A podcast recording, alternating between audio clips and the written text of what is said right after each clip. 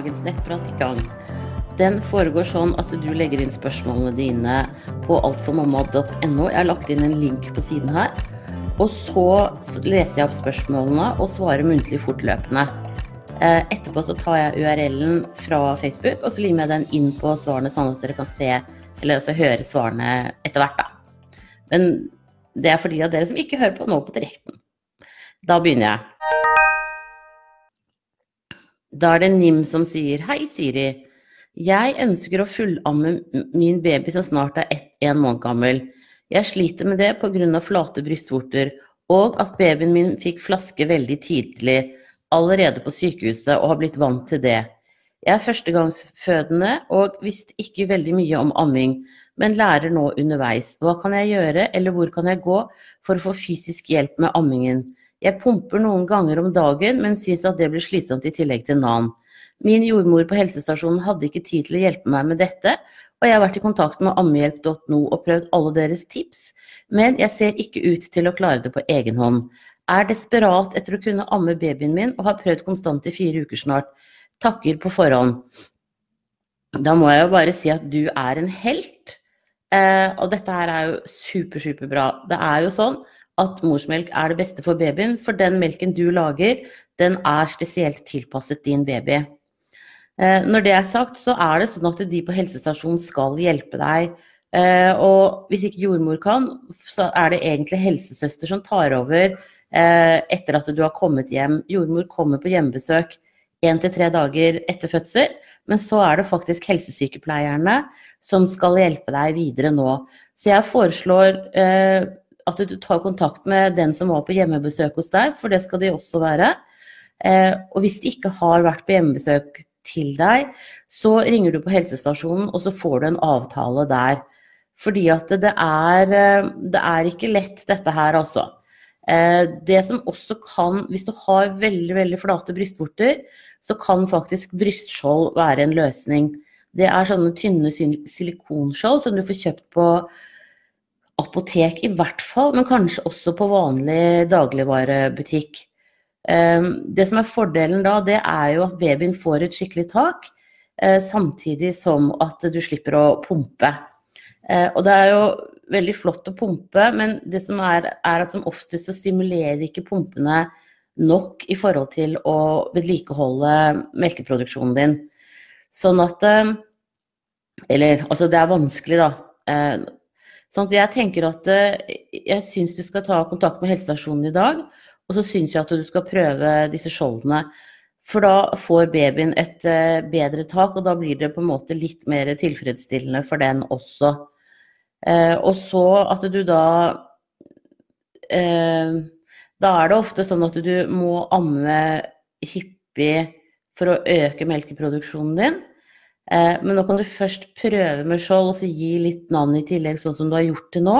Og så se hva det gir. Og så kutter du liksom etter hvert, kanskje i morgen så kutter du ned noe på nanen, og i overmorgen enda litt mer. Etter hvert som din melkeproduksjon da kommer seg fordi at du blir bedre stimulert av babyen din. Eh, og det, det med sånn hudkontakt, det er viktig både for deg og babyen. Eh, men særlig for deg, for det gjør at du da skiller ut oksytocin, som gjør at du også slipper melken lettere. Sånn, så det er på en måte mine råd til deg nå. Eh, det er jo kjedelig da, at du ikke fikk ordentlig hjelp. På, altså at du ikke kom ordentlig i gang med ammingen før du ble sendt hjem fra eh, varsel, varseloppholdet ditt. Så det må du huske på hvis du skal ha flere barn, at altså ikke reise hjem før ammingen er godt etablert. Fordi at barselavdelingene plikter å holde på dere som har født barn, til ammingen fungerer tilfredsstillende.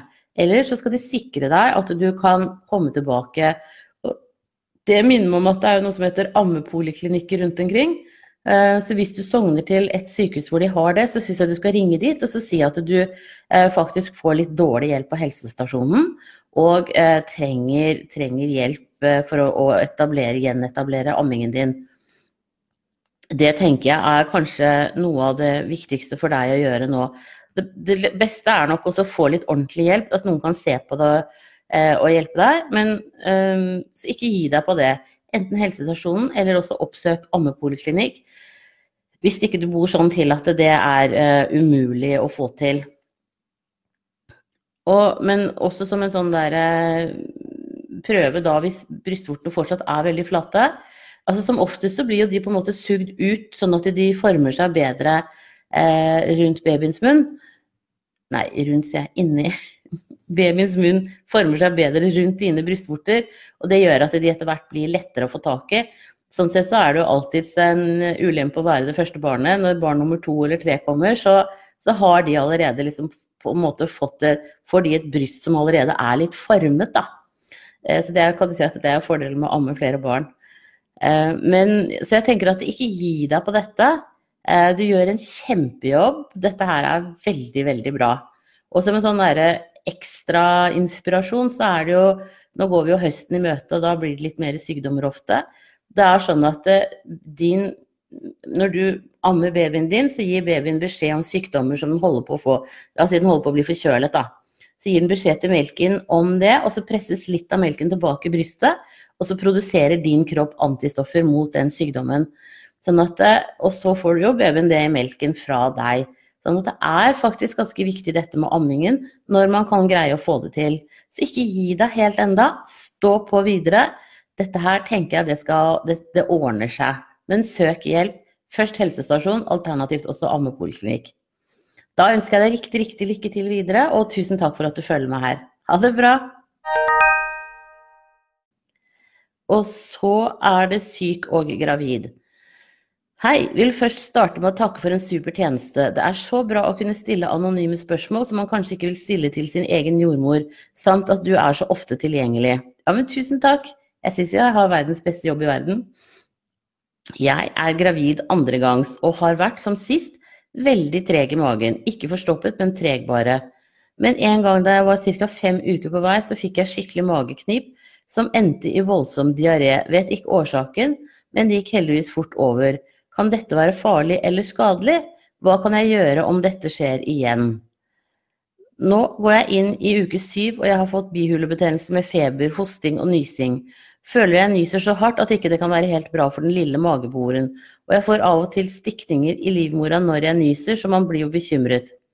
Jeg har hatt bihulebetennelse før, og det går jo over uten at jeg har dratt til legen. Men er det annerledes når man er gravid med tanke på om man bør gå til lege eller ikke? I så fall, når bør jeg gå? Det har vart i tre dager nå. Hvor mye Paracet kan jeg ta? Har skikkelig dårlig matlyst, og når jeg ikke spiser, så blir jeg så kvalm. Jeg føler at jeg er litt i den ond sirkel.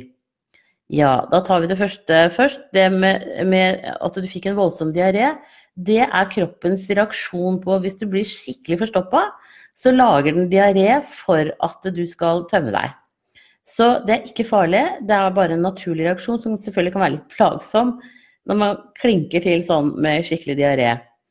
Eh, så det, er, det du skal gjøre for at det ikke skal skje igjen, er jo selvfølgelig å holde maven i gang. Eh, og det kan du gjøre bl.a. hvis du tar og spiser magnesium jevnlig. Så går overskuddet, det kroppen din ikke trenger, det går over i tarmen og gjør at, du, eh, at avføringen blir mykere. Eh, og ta gjerne med tilskudd av D-vitaminer, for da øker opptaket av magnesium i kroppen. Og det er jo sånn Når man går gravid og ammer, og sånn, så forbruker man mer magnesium enn ellers i livet. Eh, og derfor også at noen kan bli litt sånn melketørste, ha lyst på produkter med mye melk i, for å liksom kompensere for det. Men det enkleste er jo bare å ta og spise noen tabletter, så ordner det seg. Eh, og så skriver du at du har fått bihulebetennelse, og det er jo kjempeplagsomt. Så her kan du jo definitivt bruke nesedråper innenfor anbefalte doser. Det du kan gjøre også, er jo å bruke sånn nesehorn og så skylle med saltvann. Eh, det har de ofte på helsekostforretninger og en del apotek, hvor du på en måte skyller saltvann gjennom bihulene og ut igjen noen ganger om dagen. Da er det viktig at du har riktig saltdose, for ellers svir det noe innmari. I hvert fall syns jeg. Og så eh, ja, gjør det to-tre ganger om dagen, og se om ikke det også kan hjelpe til, sånn at ikke det eh, snørra setter seg helt bom fast. Eh, når det gjelder at du nyser og sånn, så er ikke det noe farlig i det hele tatt. Det er plagsomt for deg. Eh, at det gjør litt vondt nede i livmoren, det er nok helst fordi at Eh, det er ganske trangt der, og når du på en måte nyser, så får du en veldig sånn kraftig kroppsbevegelse. Eh, jeg tror du ville hatt akkurat like vondt kanskje hvis du jogget. Eh, så, så, jeg tenker at det handler om det, men det er heller ikke farlig. Så det kan du bare slappe helt av på. Men ta deg noen dager fri fra jobben. Bruk egenmelding, sånn at du får liksom brukt kreftene på å bli frisk. Det tenker jeg er, eh, er, veldig viktig nå. For ulempen er at når du er gravid, så har du allerede hovne slimhinner. Og det gjør at det tar litt lengre tid, ofte før man blir frisk fra en forkjølelse. Og hvis det nå ikke har gitt seg i løpet av en uke, tenker jeg, tre dager er helt innafor, helt greit å gå og være sjuk sånn, men kommer du liksom opp i ti dager uten at du blir noe bedre, så kan det hende at du trenger antibiotika. Men prøv liksom nesedråper og sånn nesehorn. Og så kan du også ta Paracet innenfor anbefalte doser. Det, så bare se det som står på pakken. Jeg tror du kan ta to tabletter inntil fire ganger om dagen. Men sjekk eh, det som står på pakningen der. Eh, og så vær syk. Ligg i senga på en måte så du blir dritkjedelig, du kjeder deg ordentlig. Men liksom, altså ta det med ro. Eh, sitt gjerne hjemme i sofaen, det er ikke det. Men ikke, ikke, press deg på jobb og gjør masse ting sosialt. Eh, men nå skal du konsentrere deg om å bli frisk. Vi er liksom ikke noe flinke til å være syke lenger. Vi skal fikse alt og, og, sånn, men noen ganger så går man faktisk litt i bakken. Og da skal, man, da skal du sitte stille og, og at, la liksom kroppen eh, komme seg. Det du også kan gjøre, er å lage sånn drikke med fersk ingefær, sitron, honning og varmtvann. Eh, sitron inneholder C-vitaminer. Det kan du også ta som tilskudd, det kan være lurt nå. Eh, honningen smører og har også litt sånn helende stoffer i seg. og det Uh, ingefæren har betennelseshemmende stoffer i seg. Sånn at det kan være lurt å drikke. Og i tillegg da så får du også i deg væske.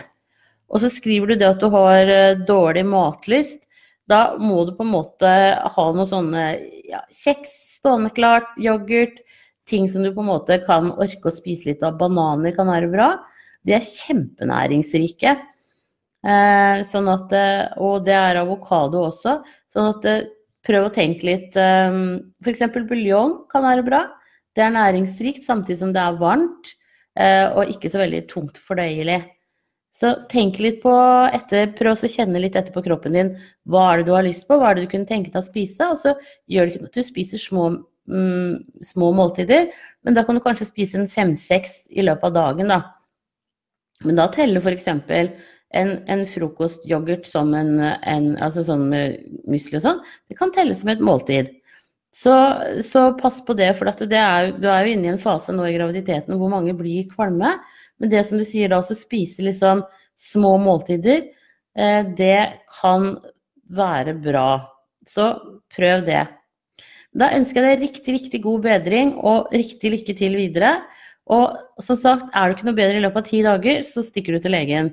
Men siden du har erfaring med at bihulebetennelse går over av seg selv, så tenker jeg at da er det stor sjanse for at du gjør det denne gangen også. God bedring, og tusen takk for at du følger med her. Ha det bra. Og så er det Kia som sier hei. Er i uke 39. Hadde sex for første gang dette svangerskapet Fikk endelig med partner på det etter jordmor sa at det kunne være lurt, siden jeg er redd for å bli satt i gang. Jeg måtte bæsje med en gang etterpå. Hvorfor? Og har dette noe for seg? Vondt nederst i magen nå. Ja, det har noe for seg. Og det er fordi at uh, i sæden så er det prostaglandiner som virker modnende på mormunnen, og som gjør at den kan begynne å åpne seg litt. Uh, og så er det også sånn at hvis du får orgasme, det kan jo du få med eller uten samleie, så eh, kan det gå over i kynnere. Eh, og det at du må måtte bæsje, er et sånn tydelig tegn på at du har satt i gang noe. For tarmen og livmoren, og urinveiene for så vidt også, tilhører den samme muskulaturgruppen. Sånn at det påvirker hverandre litt sånn gjensidig. Så dette her tenker jeg er veldig bra. Ja. Det, det, har definitivt gjort noe med deg. Eh, så det kan godt hende at, eh, at du slipper å, å bli igangsatt. Det du kan prøve, la oss si dere hadde sex i går kveld, da. Det du kan prøve nå i dag, det er jo å gni på brystvortene dine til du får en ri, eh, og så venter du til den har gitt seg. Og dette kan du gjenta i en time, men ikke mer enn det, for da kan du få stormrier.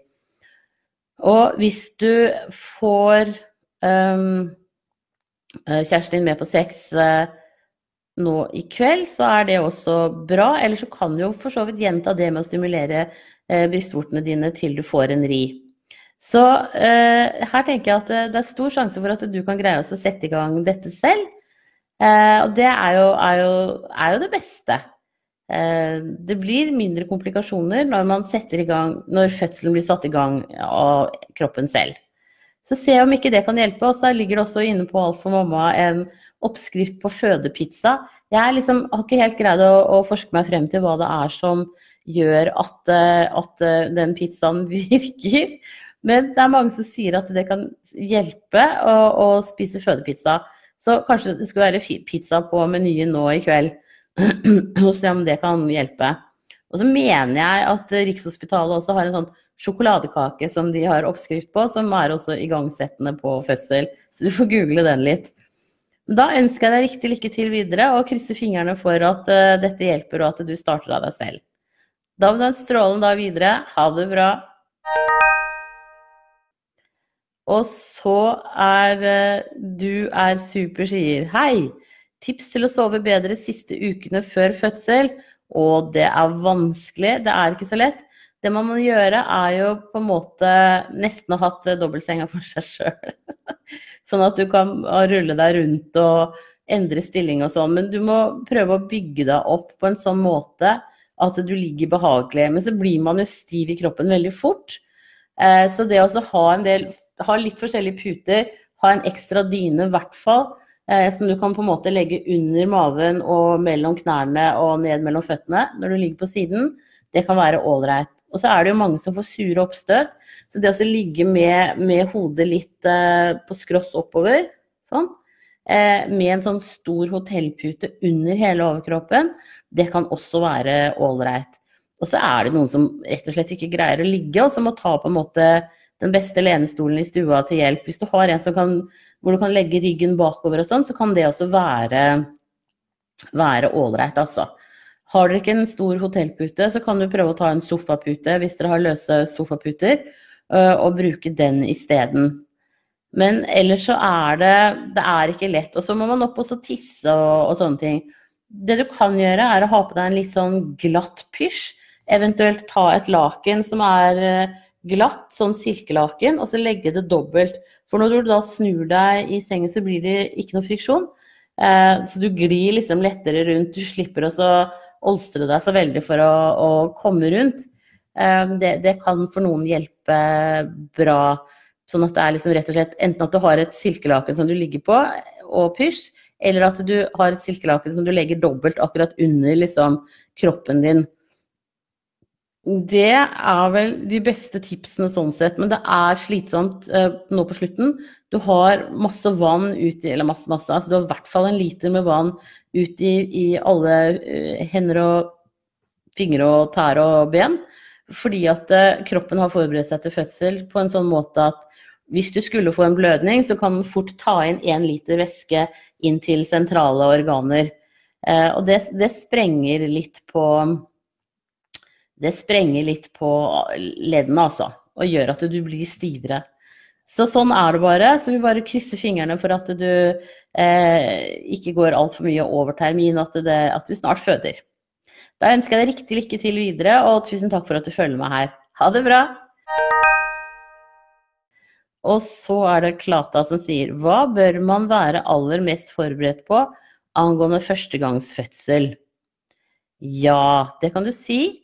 Det man bør være Det som jeg liksom tenker er noe av det viktigste, det er at du må være forberedt på at du på et tidspunkt må gi fra deg kontrollen.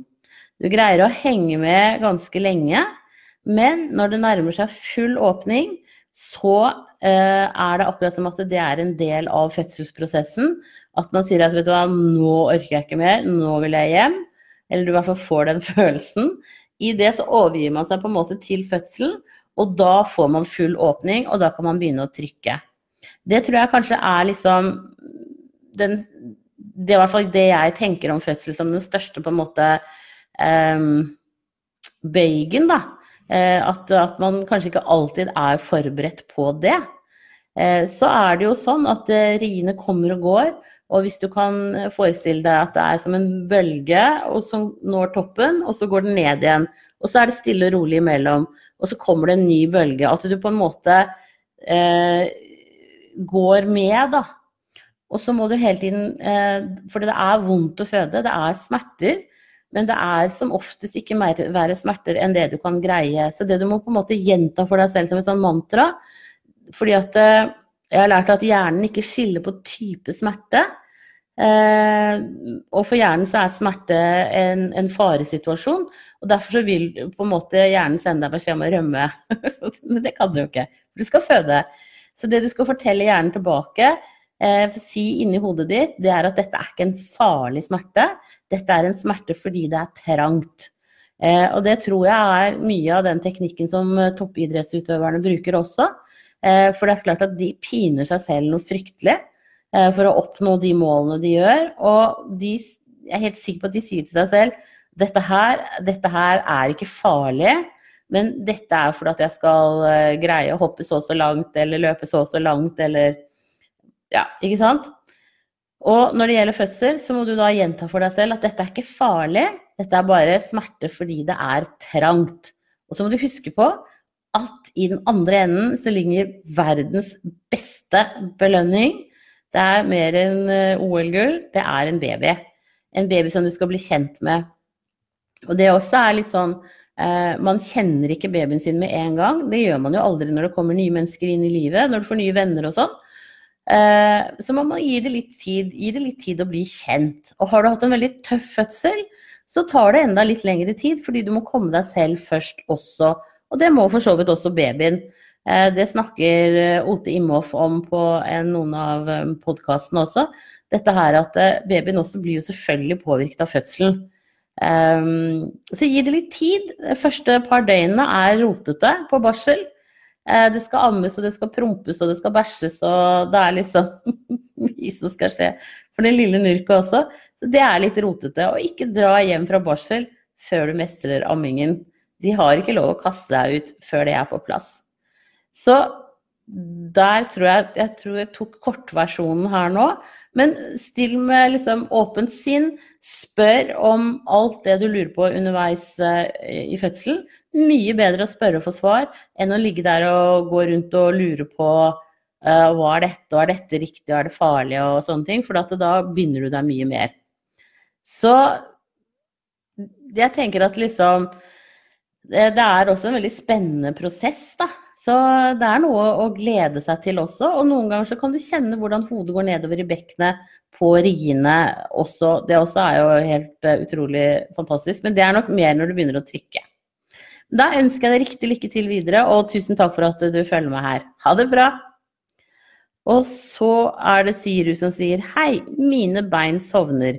Mister totalt følelsen på natta og må bytte stilling hele tiden. Sover ikke av det. Lege og jordmor gjør ingenting. Føler meg håpløs og hjelpeløs som går inn i kjære uka uten søvn grunnet dette, og er redd fordi fødselen kan starte når som helst. Råd? Ja. Jeg syns at du skal ta kontakt med fysioterapeut, manuellterapeut, eh, som kanskje har avtale der du bor, sånn at du, du, kan få noe behandling. For det høres ut som at du kanskje kan ha en liten låsning i rygg eller bekken det kan også henge sammen med at du er hoven i kroppen. At nervene blir klemt av pga. det. Men jeg tenker at det, det fins faktisk behandling å få for dette. Og går du til en fysioterapeut eller manuellterapeut som har avtale, noen få kiropraktorer har det også, så betaler du bare egenandel. Så sjekk litt rundt der du bor om hva som fins av uh, muligheter Eh, og gjør det i dag, sånn at du aller, aller helst kunne fått noe behandling nå før helga. Da tror jeg faktisk at du vil eh, merke en forskjell, altså. Um, jeg tror det er det beste tipset. For jeg tenker i hvert fall når beina dine sovner helt, så er det fordi at nervene blir klemt uh, ganske av. Og dette kommer jo til å endre seg i, i det øyeblikket du har født. Så, mm, så, det tenker jeg at du skal ikke være noe bekymra for fødselen i forhold til det. Eh, det er mer, mer det at det er eh, ubehagelig for deg og sånn. Men selve fødselen tror jeg ikke det kommer til å ha noen innvirkning på i det hele tatt. Og du kommer til å bli mye bedre da etterpå. Så um, prøv, prøv, Jeg tror det faktisk er det beste rådet jeg kan gi deg. Uh, du kan også prøve med sånn uh, fotkrem uh, som har mentol i seg. Clarins har en som er veldig god. og jeg tror lurer Bodyshop også har en. Den til Clarins kan være litt dyr, men den er også veldig sånn effektiv i forhold til at du får satt i gang litt sirkulasjonen i føttene også. Så prøv det. Prøv også å sitte med beina litt opp. Nei, jeg vet ikke om det har noe mye å si. Altså. Hvis du er veldig hoven i beina, så sitt med dem opp på dagen. Um, men ellers så Ja, ikke så lett å, å, vite hva som hjelper her, altså. Har du mulighet for det, så prøv å gå litt i ulendt terreng. Om det er en park eller en skog i nærheten av der hvor du bor. Eh, for da får du veldig sånn bevegelse i rygg og bekken som kanskje kan gjøre at du får, eh, kan få tingene litt på plass. da. Eh, at det, kan, at det kan være noe å prøve det også. Men ta telefonen fatt og se om ikke det kan være en manuell fysioterapeut i nærheten som kan hjelpe deg med dette. Da ønsker jeg deg riktig, riktig lykke til videre, og tusen takk for at du følger med her. Ha det bra! Og så er det Mio som sier lenge hørt tiden på barsel er krevende. Hvorfor tror du? Må være godt å få ut ungen etter å ha gått gravid hele 2019. Skjønner det hele kan være overveldende, men livredd hastekeisersnitt, hvor vanlig er det? Hastekeisersnitt er ikke så veldig vanlig. Det skjer vel kanskje med 10-12% av de som føder. Så det er ikke, ikke, veldig vanlig. Så det tenker jeg at det kan du legge bak deg. Det er ofte hvis man har Eller oftere, kan du si, da hvis det er en eller annen grunnliggende sykdom som man har, som plutselig skaper komplikasjoner. Um, ellers så er det ikke det så veldig vanlig. Og grunnen til at tiden på barsel er krevende, det var jeg litt inne på i mitt andre ansvar her, det er bl.a. fordi at eh, du skal bli kjent med babyen. Eh, og eh, babyen må også bli kjent med seg selv. Tarmene skal settes i gang, ammingen skal etableres. De skal liksom lære seg å sove litt, og, og liksom og, og, ting skjer veldig fort, kan du si. da. Plutselig så sover de kanskje i 20 minutter, og så skal de ha pupp, og da skal de ha pupp. Da, og når de spiser, så setter de i gang tarmene. Og den første beken som kommer, er innmari seig. Sånn at det skaper faktisk litt problemer. Så de har ganske mye maveknip og er liksom utilpass. Eh, og derfor så må man på en måte eh, si, serve den babyen Eh, og være ganske tilgjengelig. og Derfor er det ofte er det kjempefordel hvis dere kan være på et barselhotell hvor dere kan være to sammen. Eh, sånn at, eh, at, dere kan hvile litt og, og ha babyen litt på skift. Og det er jo sånn, sånn sett så er det jo fantastisk med den pappapermisjonen, eller foreldrepermisjonen, hvor makkeren kan ta ut to uker rett etter fødselen. Fordi at man trenger virkelig det. Og så er det jo noen som er ganske slitne etter selve fødselen, sånn at du orker ikke å gjøre så mye. Eh, og, da, og noen har litt vonde sting også. De fleste er litt mørbanka der for neden. Men det går over uh, i løpet av de første par dagene. Men det første døgnet kan Første to døgnene får vi vel si. For første døgnet så sover ofte babyen og mor ganske mye. Men så liksom våkner man til liv, og alt, liksom ammingen, alt skal etableres. Det er litt jubalang altså. Eh, og det har det det har Jeg med Jeg jobber med ekstravakter på Ahus, jeg snakka med de barnepleierne og jordmødrene der om det. At man blir så lite forberedt på det i graviditeten. Men det er helt normalt. Eh, og det er også normalt at det tar noen dager før du blir kjent med ungen. Eh, To-tre dager, vil jeg si. Og så plutselig så kjennes det ut som babyen kanskje har vært der hele livet. Tar det, får, tar det liksom mer enn en uke før du får den følelsen, så syns jeg da er det viktig å ta kontakt med jordmor som man har gått til i graviditeten, og få en prat om det. Men har man hatt en tøff fødsel, så, eller keisersnitt, så kan det også utsette liksom den følelsen av at man hører sammen, eh, sånn at det tar litt lengre tid. Men det er helt normalt. Eh, det meste er faktisk normalt. Og hvis det er ting du lurer på, så spør om det huk tak i de jordmødrene og barnepleierne som jobber på barsel, og spør i vei. Eh, det, det, skal du ikke være noe redd for å gjøre i det hele tatt. For det er mye bedre å få svar på de tingene man lurer på, enn å gå og dure og, og, og liksom gnage på ting og ikke få svar. Og det er når du er på barsel at du får den hjelpen. Eh, etterpå så er det ikke alltid like lett. Nå skal jordmor komme hjem til alle førstegangsfødende én til tre dager etter at de har kommet hjem. Og så kommer jo helsesykepleierne også på hjemmebesøk. Pluss at du kan ringe til helsestasjonen hvis det skulle være noen problemer. Eh, så bruk, bruk, oss helsepersonell for alt det vi har vært. Det er dette vi er utdanna til. Og vi skal brukes, altså. Vi skal ikke spares. da må du ha en riktig fin dag videre, og tusen takk for at du følger med her. Og lykke til med fødsel og barseltid. Ha det bra! Og så er det førstegangs som sier Hei, jeg fødte mitt første barn for åtte måneder siden, vaginalfødsel som endte med klipping og vakuum og en nydelig baby på rett over fire kilo. Jeg var i relativt fin form igjen etter ca. to uker, og både lege på fødestua, jordmor på barsel og jordmor på seksukerskontroll sa at alt så veldig fint ut der nede etter fødselen. Problemet mitt er at jeg fremdeles har smerter ved samleie, som gjør det umulig å gjennomføre selv om vi har aldri så lyst begge to. Starten av penetreringen går greit, men når han er ca. halvveis inne, føles det for meg som om han treffer noe, og det er for vondt til å fortsette. Vi bruker glidekrem, så det er ikke et problem med fuktighet. Vi har tatt oss god tid og forsøkt flere ganger, men det ender alltid med at jeg må avbryte og bli frustrert og lei meg. Nå som det har gått så lang tid siden fødsel, begynner jeg å bli litt engstelig. Har lest litt om nedsunket livmor, kan det være en form for dette jeg har? Jeg har ikke vondt når jeg går f.eks., og kjenner heller ikke at noe stikker ut. Men jeg syns kanskje han kanskje kan kjenne at det er litt mer som ligger på innsiden i skjedeåpningen på en måte. Men smertene er altså kun ved penetrering. Jeg har bestilt time hos fastlege og skal be om henvisning til gynekolog. Hva tror du dette kan være, og er det noe jeg kan gjøre? Hva bør jeg si til fastlegen gynekolog for å bli tatt på alvor?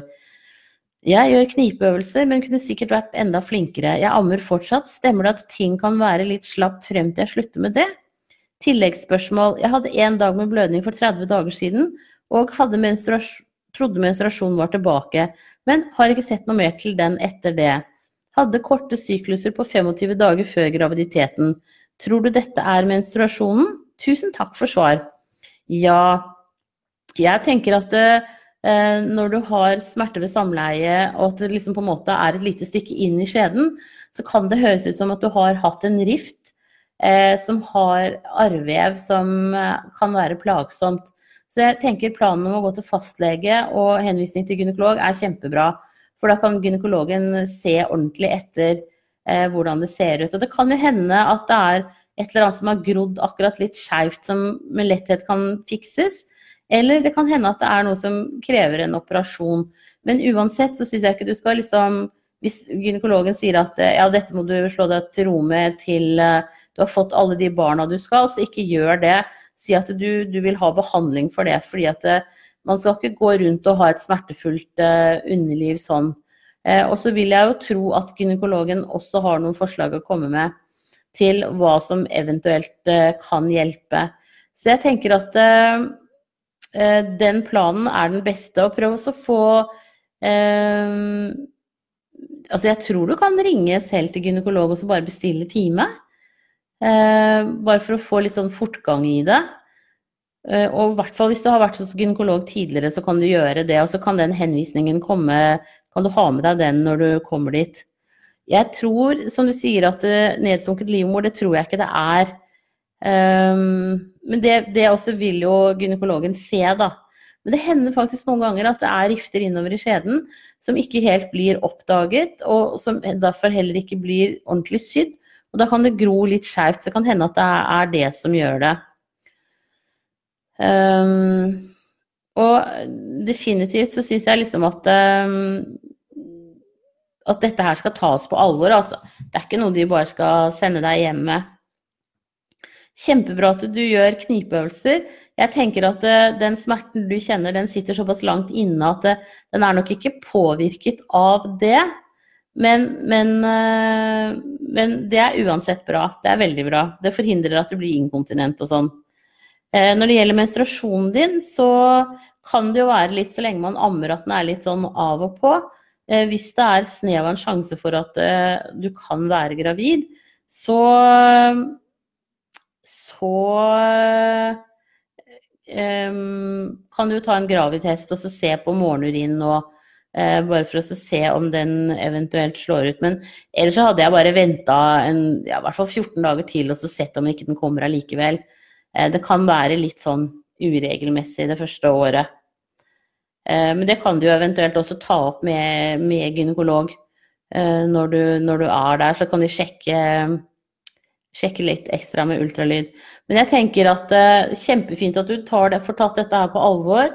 At du får gjort noe med det. Jeg tenker også, sånn uten at jeg kan så mye om det, men at det kanskje finnes sånne kjegler og sånn som man kan eh, bruke opp i skjeden for å på en måte utvide hvis det er noe som har grodd litt skeivt. At man da kan på en måte begynne forsiktig med noen små, og så øke litt sånn størrelsen etter hvert. Men dette vil eh, i hvert fall gynekologen kunne hjelpe deg med. Eh, så, så, få den timen først, og så diskuterer dere eh, eventuelle hjelpemidler og, og, ting som kan hjelpe etter hvert. Kjempeartig å høre hvordan det går fra deg. Du kan alternativt sende meg en mail på siriataltformamma.no og fortelle. For jeg tenker at det, det, er så viktig å få delt også disse historiene om kroppen etter fødsel. At noen ganger så treffer man på noen humper i veien, og det, eh, det snakkes det ikke så mye om. Så det er veldig mange som liksom sitter og tenker at de er aleine om det, og det, det er så dumt. Så da går det an å dele den historien anonymt eventuelt. Da ønsker jeg deg riktig, riktig lykke til videre, og tusen takk for at du følger med her. Og så håper jeg at det ordner seg for deg snart. Ha det bra. Og så er det igangsetting av fødsel. Hei! Etter jordmorkontroll i går ble det sendt henvisning til svangerskapspoliklinikk for vurdering av igangsettelse av fødsel pga. sterke plager med karpal hatt siden uke 21 og sterke bekkenplager. Jeg er kjemperedd legen skal gå imot jordmors anbefaling om igangsetting. Hva er din erfaring med dette, hører legen på jordmor, tror du? Et annet spørsmål, om det blir igangsetting. Jeg har jo hørt at det kan være heftigere å føde når man settes i gang. Hva kan være heftigere, hva er det som kan skje?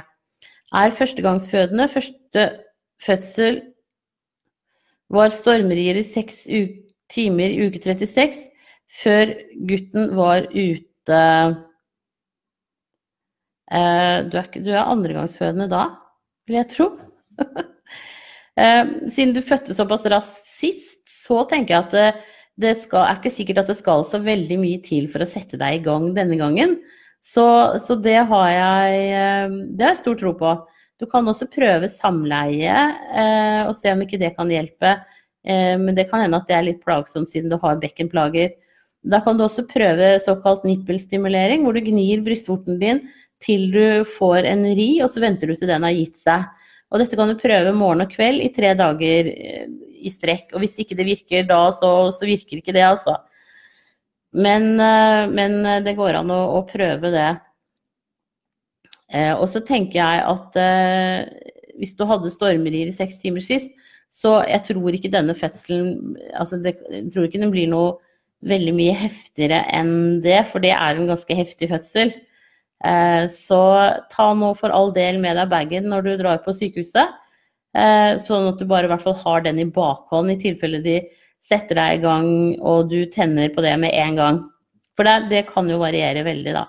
Og så varierer det jo litt hva de gjør, om de tar vannet eller om du får mor, mormunnsmodnende stikkpiller.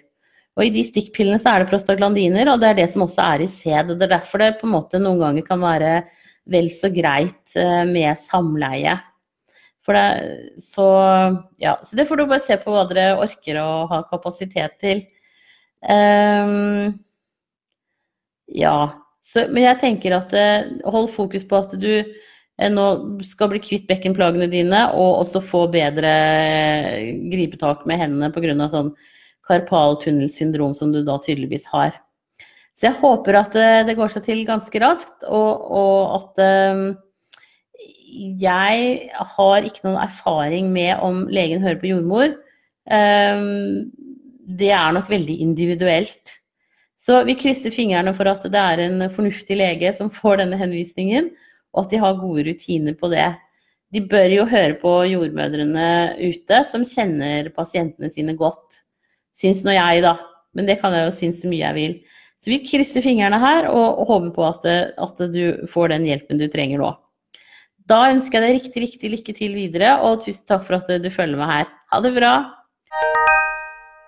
Og så er det kystvaktkone som sier Hei, jordmor Siri. Jeg har to barn fra før, og er nå fem pluss fem med tredjemann. Jeg har blitt mer og mer redd for hvert barn, og denne gangen er jeg liksom sikker på at noe skal gå galt, være galt med barnet osv. Er det vanlig? Kan jordmor hjelpe meg med dette? Jeg vil jo ikke være sånn her. Ha en fin dag, og takk for svar. Ja, det syns jeg du skal prate med jordmor om. Og jeg tror også at det er helt vanlig. Jeg tror ofte at man tenker at uh, nå har du fått to fine barn, og hvordan i Helgoland skal det gå at du kan få enda et til? Men sånn er vi litt laga. Vi er litt sånn der verstefallstenkere. Eh, og som regel så går det helt fint å få tre barn. De, både du overlever greit, og barnet eh, er som oftest helt friskt. Det er bare sånn, det er akkurat som at vi noen ganger tenker at dette er for, for fantastisk til å vare. Eh, men, men, det er det ikke. Det kan absolutt vare. Så jeg syns du skal snakke med jordmor om dette her, og så syns jeg du skal prøve å stoppe deg selv når du kommer inn i den tankerekken um, på at uh, dette her umulig kan At du, det kan gå bra en gang til. Og så skal du ta litt høyde for at du er litt mer sliten nå, uh, siden du allerede har to barn. Og da, også når man er sliten, så begynner man med mer uh, svartmalende tanker enn ellers. Så jeg tenker at det ligger sikkert noe der også. Men for all del, snakk med jordmor om det. Få en ekstra time eventuelt, sånn at du kan ordentlig få tømt deg. Eh, og så kan du også ta en ny prat med henne hvis det blir for litt mørkt igjen. Så, eh, så det tenker jeg. Ta deg selv på alvor på dette. Eh, og, og få prata om det. Ikke, ikke liksom bare eh, dytte under teppet og, og tenke at uh, dette går bra. Det går helt sikkert bra, men jeg tenker at det er så greit å få letta på trykket når man er i en situasjon hvor man begynner å engste seg. Eh, men veldig, veldig stor sjanse for at dette her går helt fint. Da ønsker jeg deg riktig lykke til videre, og bestill time hos jordmor med en gang. Ha det bra! Og så er det mor 29 som sier hei, har tre barn fra før og har nett funnet ut at jeg venter nummer fire. Er skikkelig engstelig for hvordan det blir å ha fire barn. Siden dette barnet ikke er planlagt, lurer jeg på å ta det bort, men syns tanken på det er grusomt. Har du noen tips eller råd til meg? Ja, jeg syns Vet du hva, det går faktisk an å bestille jordmortime eh, og få råd av jordmor. Hvis det var en person som du tenker at du eh, kan snakke med. Alternativt også fastlegen din, og selvfølgelig også kjæresten din. Um, nå er det sånn, sånn rent statistisk, så er det faktisk eh, barn nummer tre og fire som blir abortert eh, mye, i mye større grad enn eh, unge jenter som tar abort her i landet vårt. Eh, fordi at folk blir uplanlagt gravide og syns det kan bli litt mye. Så du er ikke alene om å være i den situasjonen her i det hele tatt. Eh, så jeg tenker at eh, du skal ikke ha noe dårlig samvittighet for det, men du skal også kjenne etter på kroppen, liksom. Er det plass til en til? Eller er det sånn at det er mer enn nok med tre barn sånn som det er? Så der må du, du må diskutere med kjæresten din. Diskuter gjerne med jordmor, fastlege. Uh, det er jo ingen lett situasjon å være i. Uh, men noen ganger så, så, er liksom abort løsningen, og andre ganger ikke. Så her kan jeg ikke kan ikke Jo, du, det du kan gjøre, er at du kan sette opp et papir. Dette her har mannen min lært meg. Og så skriver du for på den ene siden og mot på den andre. Og så skriver du ned alle argumentene for og imot, og så ser du på en måte eh, hva som eh, veier tyngst for deg. Eh, da får du sortert tankene dine, eh, samtidig som at du får eh, et litt mer overblikk. Så kan det hende at du mener noe annet i morgen, men, men prøv det bare sånn for å, å få sortert tankene litt også. Det tror jeg kan være kjempelurt. Um, rett og slett. Uh, så Og så tenker jeg her, Dette her handler jo om deg og din situasjon og dere. Eh, og sånn sett så er det jo vanskelig å diskutere det med venner. Eh, også fordi det kan være tabubelagt. Men ja. Så skriv ned på papir. Uh, snakk med jordmor, nei, snakk med kjæresten din. Snakk med jordmor, snakk med fastlege eventuelt. Og så se om, om det kan gi en klarhet i det. Um, for det er klart at fire barn er definitivt ett mer enn tre. Um, det er men, men, barn er jo også helt fantastiske. Så ja, ikke lett dette her i det hele tatt. Men da ønsker jeg deg riktig lykke til videre, og tusen takk for at du følger meg her. Og så håper jeg Og så må du huske på det at det valget du tar, det skal du aldri angre på. Uansett om du velger abort eller ikke, det valget skal du ikke angre på. Ikke, ikke gå tilbake på det når den avgjørelsen først er fattet. Eh, for det vil bare gi deg masse trøbbel. Da er, da er gjort er gjort og spist er spist. Ferdig. Så det, det, må du også tenke på, at du ikke blir gående og tenke til eller fra i, i etterkant. Når valget er tatt, så sett strek. Ferdig. Det er, det er viktig å prøve å gjøre det, altså.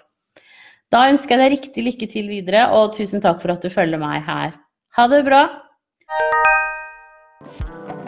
Da var det dagens siste spørsmål, så jeg avslutter nå. Eh, nettpraten er åpen i et kvarter til, så hvis det kommer inn flere spørsmål, så svarer jeg på de skriftlig. Så må dere ha tusen takk for at dere følger med her alle sammen, og ha en riktig, riktig strålende dag videre. Ha det bra!